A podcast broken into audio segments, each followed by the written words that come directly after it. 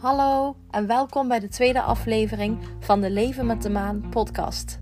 Mijn naam is Celine Teunissen en ik heb een eigen bedrijf waarin ik werkzaam ben als bewustzijncoach en astrologe.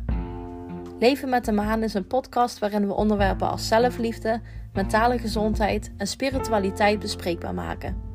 Ik neem je mee in mijn eigen ervaringen en hoop een veilige plek te creëren waar je herkenbaarheid vindt en voelt dat je niet alleen staat in deze wereld. Voor de tweede aflevering wil ik graag mijn verhaal met jullie delen hoe ik vanuit mijn rauwe en intense verdriet van de liefde moeilijke keuzes moest maken om mijn leven opnieuw in te gaan richten. De weg die ik heb afgelegd om ondernemer en bewustzijnscoach te worden, is er eentje van veel ervaringen, leermomenten en diepe dalen. Mentale gezondheid was en is altijd een rode draad in mijn leven geweest.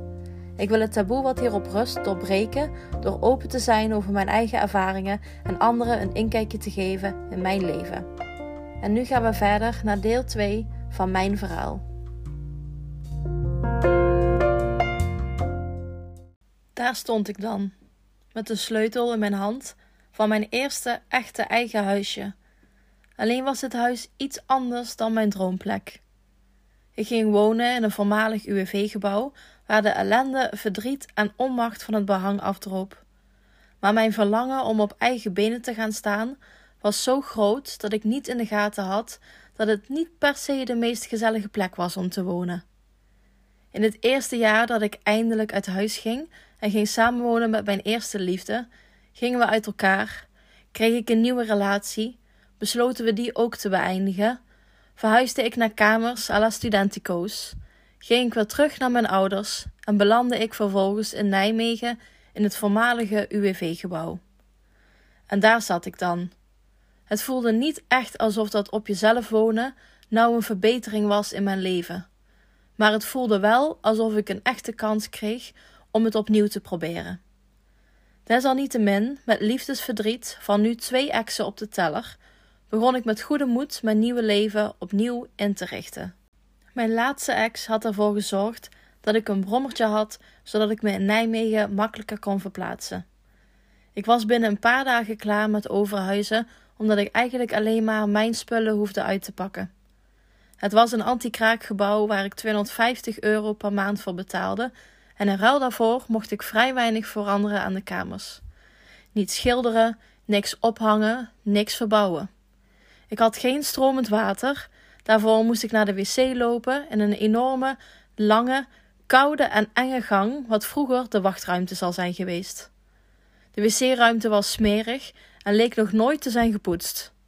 Er was een infectie van kleine driehoekige vliegjes die afkwamen op het stilstaande water van de ongebruikte riolering. Het was triest. Het was een fantasieloos, kaal en koud kantoor waar al het leven uitgezogen leek te zijn. Waar vroeger de plantjes en het bakje met gekleurde snoepjes op het bureau nog het meest feestelijke was van het pand. Nou, stel je dat maar eens onbewoond, vies en donker voor. Elke keer als ik buiten mijn woon- of slaapkamer stapte, werd ik geconfronteerd met de kille energie van dit gebouw. Het voelde gewoon niet veilig. Ik zat alleen in de vleugel van het vijf verdiepingen tellende gebouw, waar heel af en toe iemand aan de overkant van mijn gang wel eens sliep als ze in Nijmegen moest werken. Het voelde vaak alsof ik in een horrorstory zat opgesloten. Ik had het alleen niet altijd bewust door. Ik wilde zo graag dat dit mijn vliegende start zou worden, dat ik besloot alles op alles te zetten en er iets leuks van te maken. En met de beperkte middelen die ik had, slaagde ik daar ook in. In de eerste week in mijn nieuwe woning regelde ik een sollicitatiegesprek bij de thuiszorg. Dat was bekend voor me omdat ik dat al eerder een paar jaar lang had gedaan toen ik nog thuis woonde. En gek genoeg kwam het niet in me op om te solliciteren voor grafisch vormgeven of fotografie, waar ik eigenlijk voor had gestudeerd. Ik denk dat ik onbewust al aanvoelde dat ik een job moest gaan doen waarin ik praktisch werk kon verrichten zonder dat er psychisch te veel van me werd gevraagd. Ik was zo ontzettend moe van alle gebeurtenissen in mijn leven dat ik niet eens doorhad hoe slecht mijn mentale gezondheid er eigenlijk aan toe was. Huishoudelijke verzorging, aka poetsen bij ouderen, klonk als het beste baantje voor dat moment. Het gesprek ging goed en ik kreeg al gauw te horen dat ik de baan had. Ik kon diezelfde week nog beginnen, met als resultaat dat ik na twee weken al kon beginnen met geld verdienen. Maar het was een baantje van 8 tot 12 uur in de week en dat betekende dat ik in een goede maand net 500 euro per maand verdiende. Met mijn huur en andere rekeningen betekende dat dat ik 100 euro per maand overhield, waar ik mijn boodschappen en persoonlijke verzorging van moest kopen. Ik had geen spaarrekening en als er iets kapot ging in mijn huishouden, had ik dus een groot probleem. Maar ik wist dat als ik meer uren zou gaan werken, ik gelijk weer zou terugvallen in mijn burn-out. Niet wetende dat ik er gewoon nog middenin zat en mijzelf voorhield dat ik gewoon even moest doorzetten. Uitstapjes zaten er simpelweg niet in. Ik had net genoeg geld om met mijn brommer door Nijmegen te crossen voor alle adressen die ik in één dag moest bezoeken voor mijn werk. Het enige uitstapje wat ik had waren de wekelijkse boodschappen en een psycholoog. Ik had nauwelijks contact met de buitenwereld, behalve de ouderen waarbij ik thuis kwam om te poetsen. Het leek een makkelijk baantje, poetsen en koffie drinken bij oudere mensen, maar ik was even vergeten hoe baantjes bij de zorg eruit zien. Ik kwam schrijnende situaties tegen en zag overal hoe de ouderen langzaamaan aan het wegkwijnen waren in hun huis. Het lijkt zo fijn om op je oude dag nog thuis te kunnen wonen met wat hulp voor koken, poetsen en zorg. Maar als dat je enige bezoekjes zijn en er niemand langskomt om met je te praten of een wandelingetje te maken, is die realiteit voor veel mensen heel anders. Mijn functieomschrijving was interieurverzorgster, maar in de realiteit deed ik veel meer. Ik hielp met computerwerk, kookte met de mensen, ging boodschappen doen en had regelmatig lange gesprekken over een jeugd. Ik vond het super fijn om de mensen te ondersteunen, maar werkte bijna het dubbele aantal uren zonder daar betaald voor te krijgen. Ik kon deze mensen simpelweg niet aan hun lot overlaten. Ik zag de vreugde in hun ogen als ik weer op bezoek kwam en wilde zo graag iets toevoegen in hun leven. Ik had alleen totaal niet in de gaten dat ik het eigenlijk zelf was die hulp nodig had. Ik wist niet hoe ik mezelf kon helpen en hielp daardoor de mensen om me heen. Ik geloof dat dit nog geen half jaar duurde totdat ik een cliënt kreeg die zelf al haar hele leven met spiritualiteit en antroposofie bezig was. Ze was achteraan in de tachtig en alhoewel ze fysiek bijna niks kon, was haar verstand nog even levendig en strijdlustig als in haar jongere jaren. Het was altijd zwaar en een beetje dubbel om naar deze mevrouw te gaan. Ze woonde ver weg en het kostte me altijd veel tijd om naar haar toe te rijden en weer terug naar huis. Ik poetste vaak bijna vier uur lang en was altijd dood en dood op. Ik werd voor elk klusje ingezet en keek uit naar het moment dat ik heel even kon zitten en kon koffie drinken met haar. Ze vertelde me de mooiste verhalen over haar leven en ik zat altijd gefascineerd te luisteren naar de avonturen die ze meemaakte. Ik had vaker interessante verhalen van ouderen gehoord, maar de zelfreflectie die deze dame had en ook terugkoppelde, was inspirerend. Ik had het gevoel alsof ik ook mocht zijn wie ik was en begon beetje bij beetje te laten zien wie dat dan was. Ondanks die zelfreflectie was er bijna nooit ruimte voor mijn verhaal, omdat de mevrouw in kwestie zichzelf misschien iets te graag hoorde praten. Desalniettemin kwam daar het moment dat ze vroeg hoe het nu eigenlijk met mij ging. Ik betrapte mezelf erop dat ik op dat moment niet langer kon doen alsof alles wel goed ging.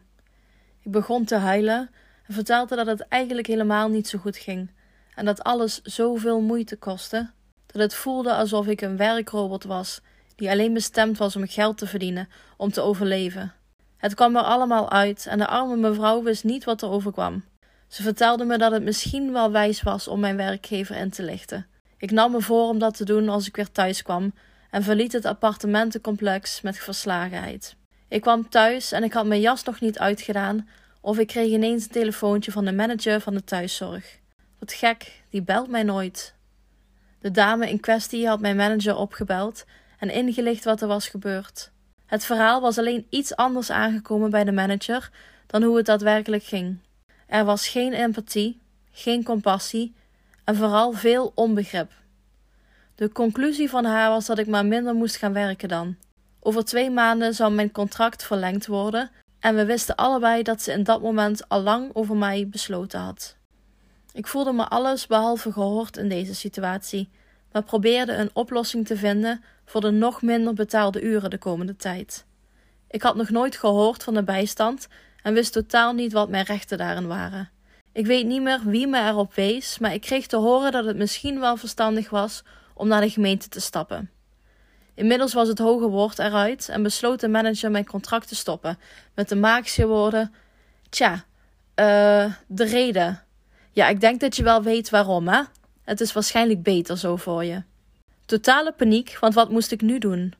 De realiteit begon inmiddels binnen te dringen dat het niet heel erg goed met me ging.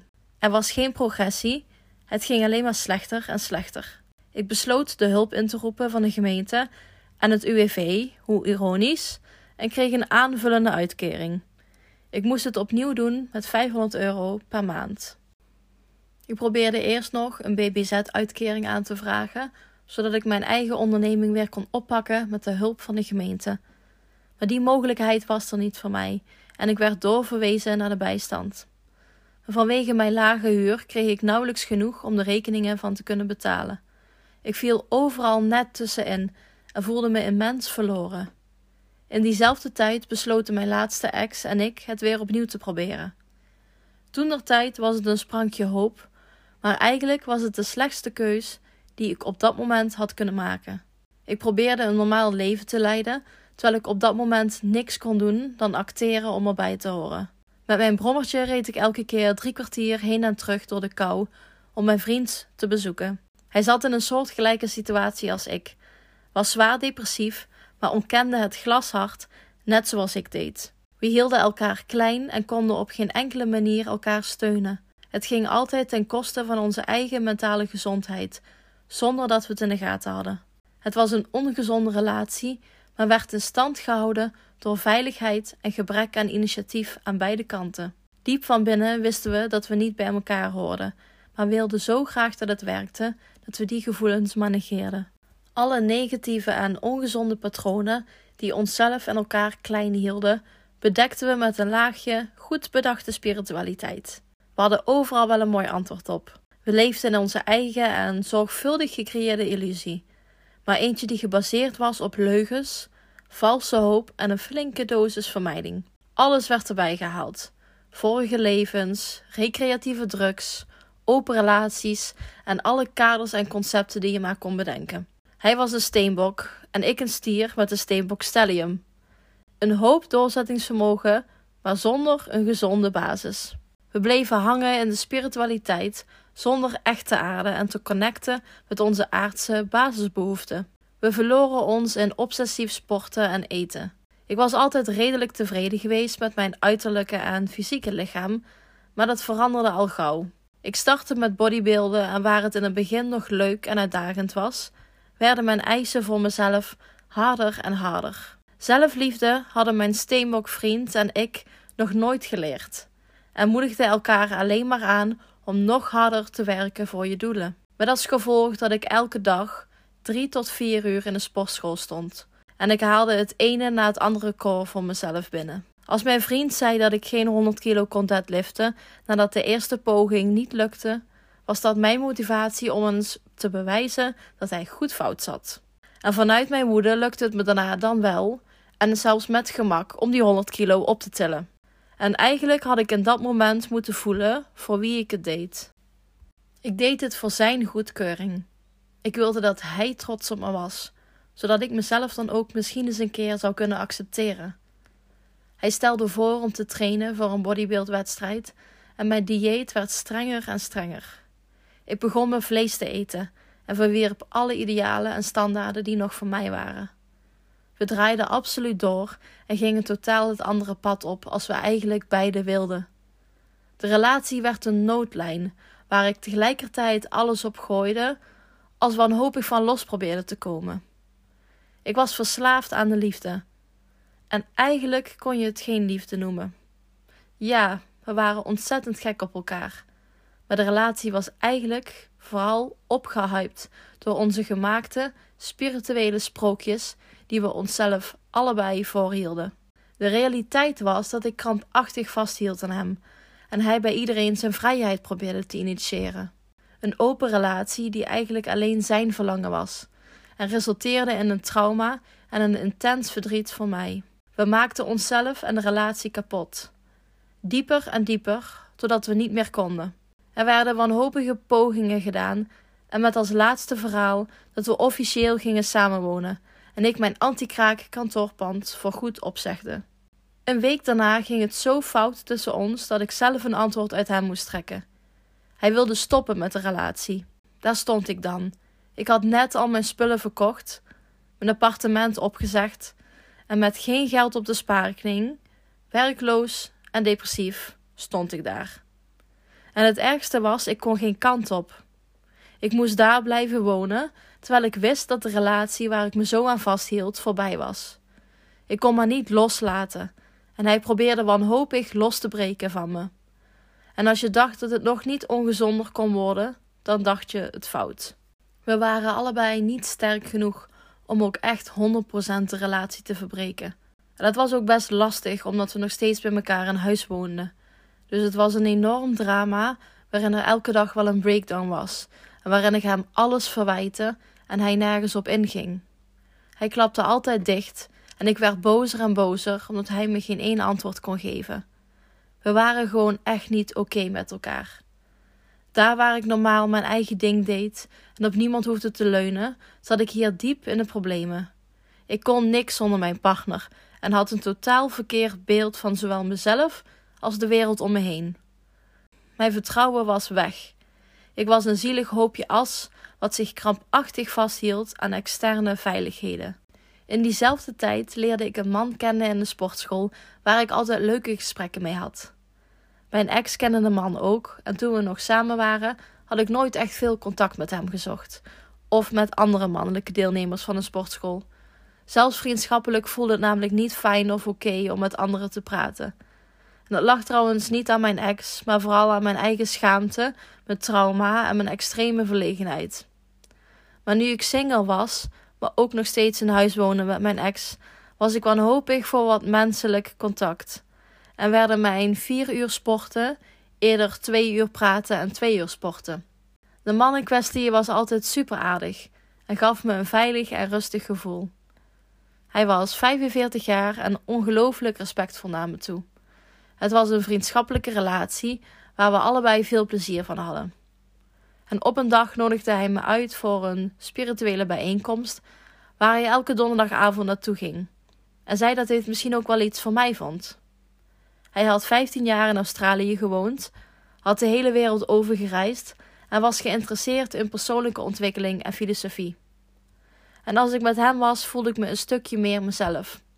Ondanks dat op dat moment mijn leven overhoop lag, ik veel pijn, verdriet en woede ervaarde, had ik in dat moment een klein stukje rust. In mijn wereld werkt het zo dat als iemand je uitnodigt die je niet supergoed kent, mijn veiligheidsmanoeuvre was om ja te zeggen, maar uiteindelijk nooit te gaan. Want alles wat nieuw was, was eng. Punt. Ik ging verder en ik dacht er niet meer aan. Totdat ik na een paar weken samenwonen met mijn ex in een één slaapkamer appartementje zijn tol eiste. Ik kon gewoon niet meer. En na een belofte van mijn ex die hij niet nakwam, knapte ik uit elkaar. Hij ging weg en sliep ergens anders. En nu was ik alleen. En in dit punt zag ik geen uitweg meer. Ik kon dit niet. Er was geen enkele reden om nog voor te leven. De enige reden die ik op dat moment nog kon verzinnen, was om te blijven leven voor mijn kat, die ik op dat moment had. Maar ik kon niks anders voelen dan pure leegte. Het begon met een totale breakdown, waarin ik in mijn eentje het hele huis bij elkaar schreeuwde. Ik huilde en sloeg mezelf totdat er geen tranen meer waren om te vallen. Ik had een reden nodig. Een reden om het niet te doen. Ik besloot de zelfmoordhulplijn te bellen, wetende dat ik waarschijnlijk geen goede reden kreeg van hun. Ik ben een ultiem rationeel mens en gevoelens uiten was en is niet altijd mijn sterkste kant geweest. Ik kreeg een dame van mijn leeftijd, 25 jaar, aan de lijn, die heel erg lief was, maar niet echt wist wat ze moest doen.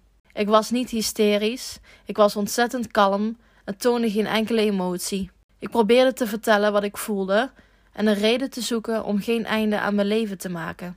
Ik voelde me niet gehoord en vond het gesprek maar een lachertje. Dat is absoluut geen oordeel naar de lieve dame in kwestie, maar toen de tijd was ik simpelweg te ver heen om iets anders dan logica te kunnen accepteren. Ik was op zoek naar een betekenisvol gesprek met iemand die mijn overtuigingen en perspectieven kon uitdagen. Maar de realiteit was dat er iemand voor me zat met wellicht de beste bedoelingen, maar op geen enkele manier begreep of voelde waar ik nou echt doorheen ging. Ik voelde me alleen en onbegrepen. En het was duidelijk voor me. Of ik koos voor het leven en zou er helemaal voor gaan en nooit meer terugkijken. Of ik maakte er nu een einde aan. Ik voelde dat ik wel wilde leven, maar gewoon niet wist hoe ik moest leven. Ik keek naar de klok en ik zag dat het half acht was. En toen opeens herinner ik me dat het vandaag donderdag was. Ik herinner me het gesprek met de man van de sportschool. Elke donderdag om acht uur hadden zij een spirituele avond. Het was alles of niets. Ik moest gaan als ik wilde blijven leven. En het was duidelijk dat ik het niet meer alleen kon en dat ik echt hulp nodig had. In een kwartier tijd droogde ik mijn tranen, kleedde ik me om en stapte ik op de fiets in de koude wind. Ik leek wel een zombie. Er kwam geen woord uit me en toen ik aankwam durfde ik niet eens te praten met iemand, ook niet met de man van de sportschool. Ik sloot stilletjes aan in de kring en we begonnen met de meditatie. Ik kon me niet focussen en mijn gedachten gingen alle kanten op. Moet ik nu wel of niet om hulp vragen? Als ik naar huis ga zonder mijn mond open te trekken, dan is het gedaan met me. Dan is het voorbij. Anderhalf uur ging er voorbij terwijl er gepraat werd over grenzen aangeven, authenticiteit uitdrukken en opkomen dagen vanuit je spirituele volwassenheid. Het gesprek was ten einde en er werd gevraagd of er nog iemand was die iets wilde toevoegen. Het werd stil en niemand reageerde. Mijn handen begonnen te trillen, mijn hart sneller te kloppen en ik raakte in paniek. Het is echt nu of nooit meer. De vraagsteller keek die avond naar mij en hoe cheesy het ook klinkt, het voelde alsof het universum was wat mij uitnodigde om het goede pad te kiezen, om de juiste keuze te maken voordat het te laat was. Mijn handen begonnen oncontroleerbaar te schudden en mijn tranen braken door. Ik wil wel graag iets zeggen. Ik durfde niemand aan te kijken en keek naar mijn handen in mijn schoot. Een lieve oudere dame die ik niet kende, pakte mijn hand en kneep er even in om te laten weten dat ik niet alleen was. Met trillende stem vertelde ik de groep dat ik hier op een tweesprong stond. Ik was naar deze avond gekomen om een antwoord te krijgen, of ik moest blijven leven of niet. En mijn keus was inmiddels gemaakt. Ik wilde graag blijven leven, maar ik wist niet hoe, en ik kon mezelf niet langer dragen. Ik wist niet bij wie ik moest aankloppen. Ik had geen huis, geen werk, geen geld en ik voelde me machteloos. De man van de sportschool zat tegenover me en ik voelde zijn compassie en mededogen toen ik besloot in zijn ogen te kijken. De hele kring zat gevuld met mensen van middelbare leeftijd en ouder, en ik was de enige jongere in de groep. Eén voor één reageerden de mensen uit de groep op me en boden ze me hulp aan. Sommigen vertelden hun eigen verhaal en anderen vertelden hoe dapper ze het vonden dat ik het durfde te delen met een groep onbekende mensen. Degenen die de spirituele avonden organiseerden, spraken toen samen en zeiden: Als je een woonplek zoekt om tot rust te komen, van waar je je eigen leven weer kunt opbouwen, dan mag je van ons hier komen wonen. Hoe heet je eigenlijk? Ik was stom verbaasd. Niet alleen kreeg ik zojuist een woonplek aangeboden, maar de lieve mensen in kwestie kenden me niet eens. Dit was de eerste keer dat ze me zagen, en vanuit die onvoorwaardelijke goedheid en liefde die ze bezaten, boden ze mij een enorme kans om mijn leven weer op te pakken. Ik was echt flabbergasted. Ik wist niet wat ik moest zeggen, en ik had, en nog steeds, heb er geen woorden voor. Ze stuurden de mensen naar huis toe en verzekerden iedereen dat ze het op zouden pakken vanaf hier. Het was heel bijzonder. Mensen die ik niet kende boden hulp aan op het moment dat ik het meest nodig had. Nadat we het hadden gehad over mijn situatie en waar ik middenin zat, vonden de eigenaren van de boerderij het geen slim idee dat ik alleen sliep die nacht. Ik haalde ze echter over om toch thuis te kunnen slapen, want als ik iets erg vind, is het niet in mijn eigen bed kunnen slapen. Ik had nu hoop en uitzicht, en dat was precies wat ik nodig had die avond. De compromis was dat de man van de sportschool mij naar huis zou brengen met de auto en ik de volgende dag mijn fiets zou kunnen ophalen met hem. Een slimme zet, omdat ik zo gedwongen was om ook echt te komen opdagen de volgende dag en mezelf niet kon verstoppen in mijn huis. Ik werd naar huis gebracht en toen we voor mijn huis stonden, begonnen we wat te praten over de turbulente avond. Hij vertelde over zijn verleden en ik ontdekte op dat moment dat ik een lotgenoot naast me had zitten. Ik ben niet de enige. Die avond sliep ik dus alleen in huis. En gek genoeg voelde ik me opgelucht. Ik had mijn ware emoties durven tonen en aan vreemde mensen nog wel. Ik voelde dat dit de juiste beslissing was en voor het eerst in tijden had ik weer hoop in mijn toekomst. Ik had nog steeds geen idee hoe ik alles moest gaan regelen de komende tijd, maar wist nu dat ik er niet alleen voor stond. Opnieuw had ik mezelf tijdens de relatie geïsoleerd van mijn vrienden en was samengesmolten met het leven en dus ook de vrienden van mijn ex. Na de relatie koos ik er logischerwijs voor om niet meer om te gaan met de vrienden van mijn ex en de ongezonde band voor eens en altijd af te snijden. Bevriend blijven en blijven hangen in een situatie zou die van mij niet beter maken. De volgende dag kwam de man van de sportschool me weer ophalen en reden we samen naar de boerderij. Het begon inmiddels aan te voelen als een nieuw begin, en met die onzekerheid van een onbekend hoofdstuk begon ook mijn angst zich te laten zien. Ik probeerde echter om niet te veel aandacht te schenken aan dit stemmetje, want een kans zoals deze komt niet elke dag zomaar aanwaaien. Ik kwam erachter dat de eigenaren van de boerderij al prachtige initiatieven in de wereld van persoonlijke ontwikkeling hadden opgestart. De vrouw des huizes gaf mindfulness trainingen en deed geregeld vrijwilligerswerk. De man was huisarts, maar ook ingewijd als sjamaan. Er was een prachtige balans aanwezig in hun leven. Met één been stonden ze in het aardse, gewone en alledaagse leven, en met de ander in de wereld van spiritualiteit en persoonlijke ontwikkeling. En eigenlijk is dit niet eens de beste manier om het te willen beschrijven. Het is namelijk dat we juist door het gewone aardse leven ten volste durven te ervaren en een spiritueel leven kunnen leiden. Het verschil tussen deze werelden creëren we in onze eigen fantasie. De twee zijn onlosmakelijk met elkaar verbonden, maar het zijn wij die er een grens tussen zetten. Het echtpaar woonde op een prachtige boerderij met een lieve labradoodle en een kat. Met een prachtige tuin die uitkeek op een watertje, een molen en een enorme wei voor twee paarden, leek het wel alsof ik in de hemel terecht was gekomen. Elke week werden er spirituele bijeenkomsten gegeven, yogales georganiseerd en kwam er een groep mensen werken in de moestuin waarvan ze de opbrengst gaven aan de voedselbank. Het werd me duidelijk dat deze twee lieve mensen echt een hart voor de mens hadden. Ik voelde me ongemakkelijk bij, omdat ik het gevoel had dit niet te mogen ontvangen. Ik schaamde me er zelfs voor. Ik wist dat het erop of eronder was, maar mijn ego was vastberaden om me slecht te laten voelen voor de kans die ik in mijn schoot geworpen kreeg. Het was simpelweg zo'n groot contrast dat ik het gewoon niet goed kon accepteren dat dit mijn nieuwe realiteit voor de komende maanden zou worden. Ik heb veel dingen afgewezen in mijn leven, waarvan er heel veel mooie kansen voor me in petto lagen. Maar ik ben blij dat ik mijn eigen wijsheid die dag buiten de deur liet. Ik kreeg een kans om opnieuw te beginnen. En wat voor eentje. Binnen een week kon ik verhuizen en samen met mijn moeder reden we de spulletjes die ik nog had naar mijn nieuwe woonplek. Ook al was de relatie ongezond voor beiden, geen slecht woord over de eer van mijn ex. Ik nam al mijn spulletjes mee die al van mij waren en we deelden wat we over of dubbel hadden. De verhuizing was zo gedaan en zo kwamen we aan op mijn laatste nacht in het huis van mijn ex. Het leek wel alsof er die laatste nacht even de sluier van pijn en verdriet werd opgelicht en mijn ex en ik een prachtig gesprek hadden over onze relatie. We voelden dat het beter was zo en het werd een melancholische, maar mooie laatste avond. De volgende ochtend gaven we onze laatste knuffel aan elkaar en nam ik afscheid van onze kat. Hij gaf me de ruimte om afscheid te nemen van onze plek en liet me alleen achter. Alle herinneringen flitsten voorbij en ik voelde de fysieke weerstand van mijn lichaam om deze plek los te laten.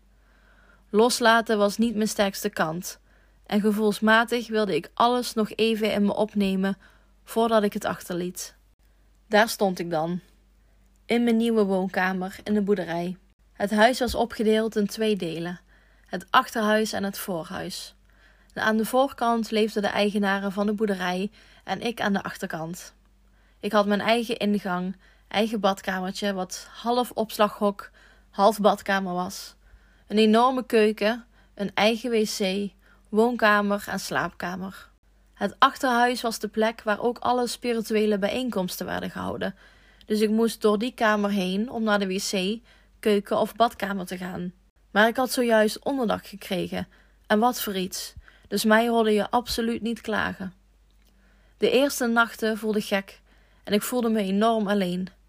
De eigenaren van het huis waren super lief, maar de awkward en verlegen persoon dat ik was, durfde ik geen contact te maken. Ik voelde me vanaf moment één te veel en probeerde alles zo stilletjes en onzichtbaar mogelijk te doen.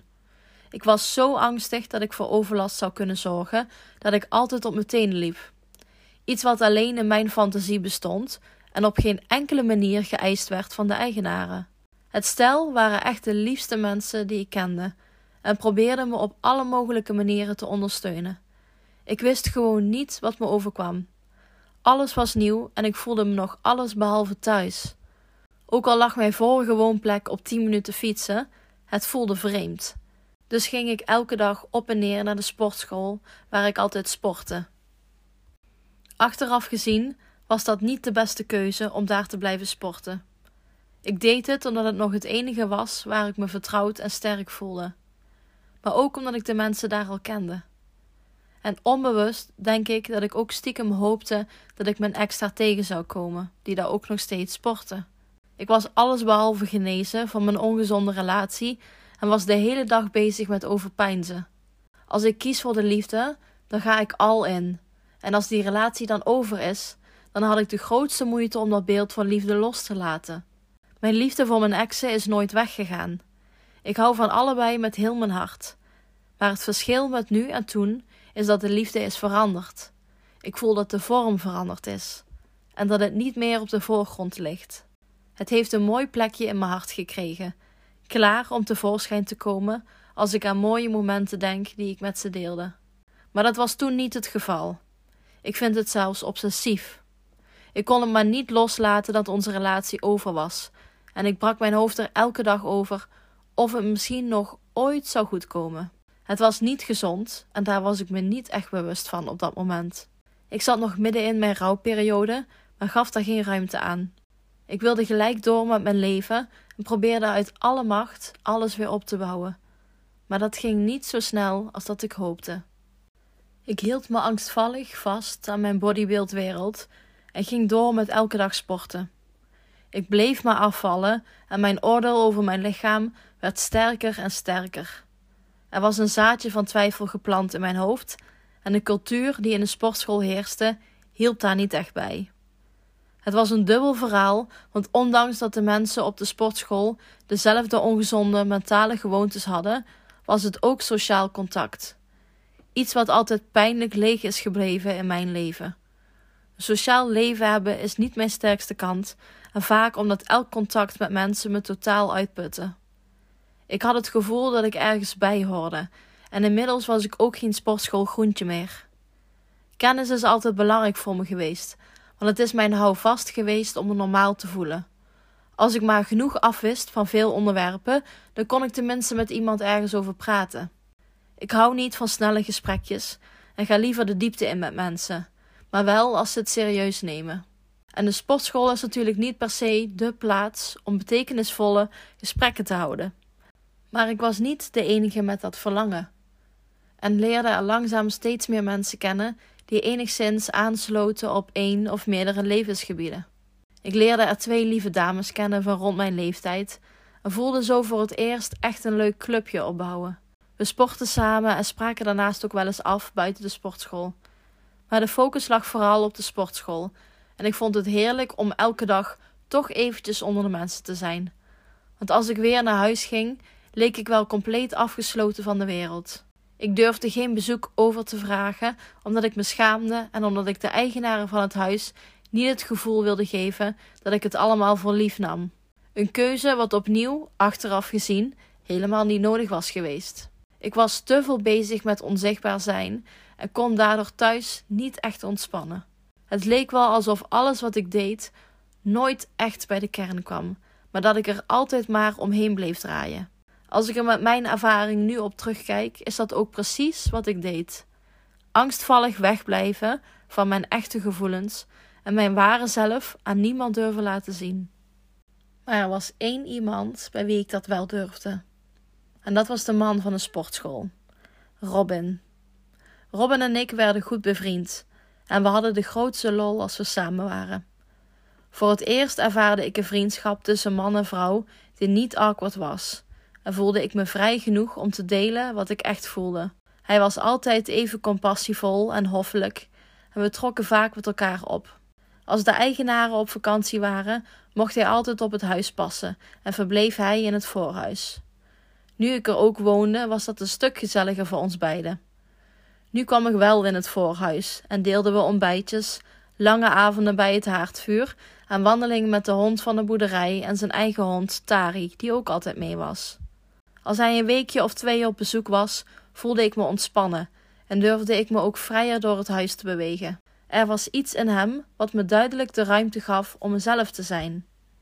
In die tijd liep ik bij een antroposofische psycholoog waar ik elke week met de auto naartoe moest rijden. Maar in mijn tijd alleen had ik een angststoornis ontwikkeld en durfde ik niks te doen wat ik niet kende. Autorijden op onbekende en drukke plekken vond ik dood en doodeng. Robin bracht me de eerste twee keer naar de psycholoog en begeleidde me daarna in de autoritjes naar de psycholoog. Alleen al het feit dat hij naast me zat in de auto gaf me de steun en het vertrouwen om het autorijden langzaam weer op te pakken. De man had bakken geduld en liet me altijd zien dat ik het wel kon. En tijdens de gesprekken bij de psycholoog kwam er duidelijk naar voren dat ondanks de angst en depressie die ik voelde, er ook een enorm sterke wil in mij zat. De drive om mijn onderneming weer te herstarten was groot en ik wilde heel graag weer deelnemen aan de wereld, maar wel in mijn tempo en op mijn manier. De psycholoog stelde voor om naar een antroposofische kliniek te gaan om me daar voor een aantal weken op te laten nemen, zodat ik daar echt even tot rust kon komen. Dat ik niks hoefde te doen behalve te werken aan mijn herstel en simpelweg in het moment zijn. Ik zou dan omringd zijn met lotgenoten en naar allerlei soorten therapie kunnen gaan volgen. Maar ik was beledigd, diep beledigd. In mijn angst en oordeel had ik duidelijk niet geluisterd en was simpelweg te bang om te kijken naar wat het voor me zou kunnen betekenen. Oordelen en overtuigingen die op gebakken lucht waren gebaseerd, zorgden ervoor dat ik niet eens de uitdaging wilde overwegen.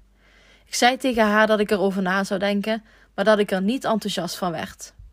Ik liep naar buiten en Robin vroeg hoe de sessie was geweest. Ik vertelde boos en beledigd wat ze gesuggereerd had en hoe ik natuurlijk echt niet naar een kliniek zou gaan. Zo erg is het nou ook weer niet.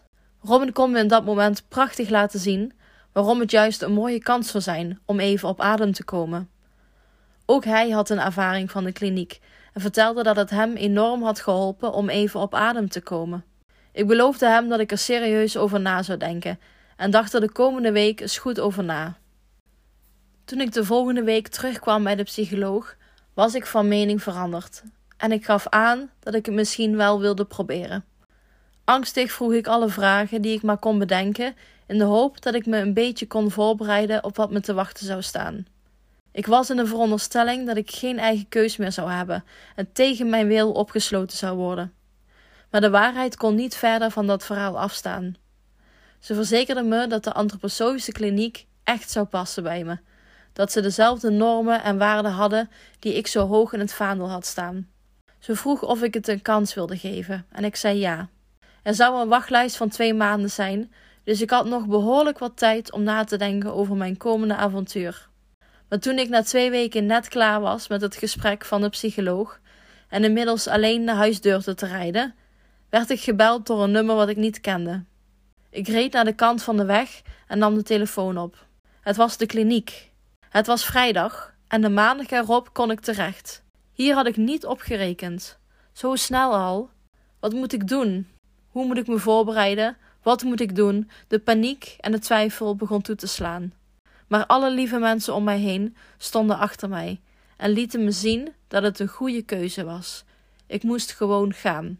Dus dat deed ik. Ik nam in het weekend afscheid van mijn vrienden en familie en maakte me klaar om op maandag samen met mijn moeder te rijden naar de kliniek. Voor de komende zes weken moest ik het tenslotte alleen doen.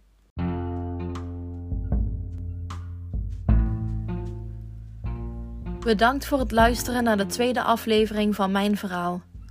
In de volgende aflevering hoor je hoe het mij afgaat in de kliniek en hoe het mijn leven een enorme reset en een flinke dosis inzichten gaf. Heb je vragen of wil je met mij delen wat je van de aflevering vindt? Stuur me dan een bericht op Instagram, Leven met de Maan, of ga naar mijn website www.celineteunissen.nl en stuur me een mailtje met jouw vragen of opmerkingen. Bedankt voor het luisteren en tot de volgende keer.